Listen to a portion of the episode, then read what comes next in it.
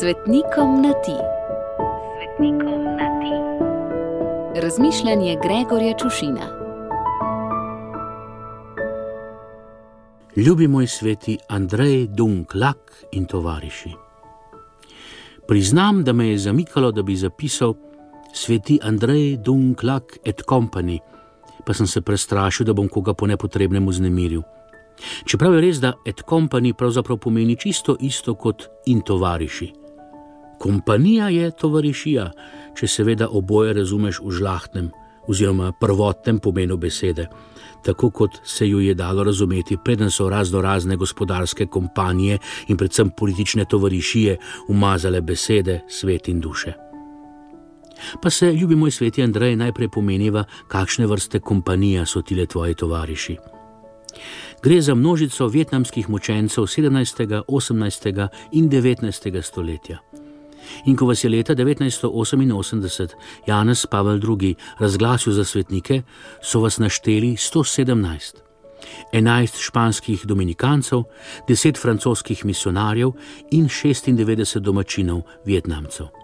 Ali še drugače, 8 škofov, 50 duhovnikov in 59 lajkov vseh starosti in stanov.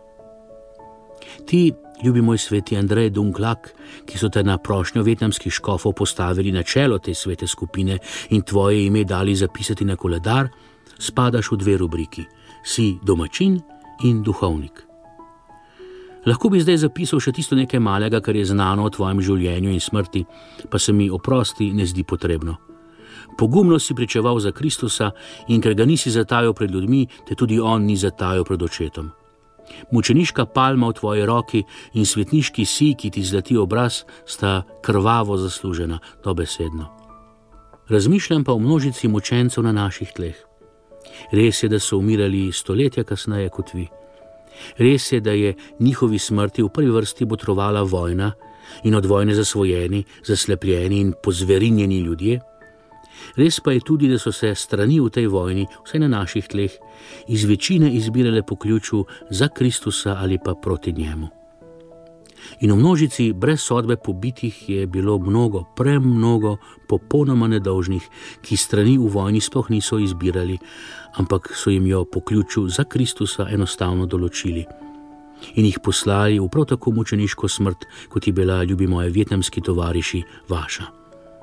In kar je hudo in žalostno, in hudo žalostno, je dejstvo, da so se tisti, ki so vse te, ki niso pripadali pravi strani, imenovali tovariši.